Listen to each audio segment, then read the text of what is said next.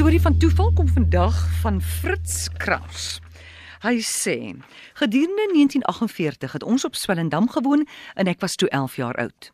My pa wou 'n winkel begin en het 'n erf in die middedorp gekoop om daar 'n winkel te laat bou. Daar was net na die oorlog nie die nodige materiale vrylik beskikbaar nie. Hy wou hê dat dit netjies moes wees en het die voorkant van die gebou met suurstene laat bou. Hy het oral gesoek en navraag gedoen en kon nêrens die laaste 754 stene kry om die voorkant te voltooi nie. Hy het ook intussen 'n soort van 'n boerdery op daai stadium bedryf en een van en een van die produkte wat hy geplant het was 'n reuse stuk konfyt tomaties. Hy het dit gelewer aan die Koo fabriek op Ashton.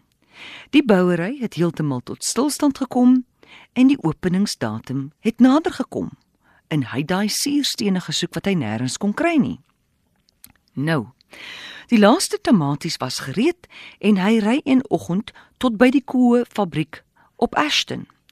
Hy's gou gehelp, maar hy moes wag vir die geld en loop toe buite rond op hulle terrein.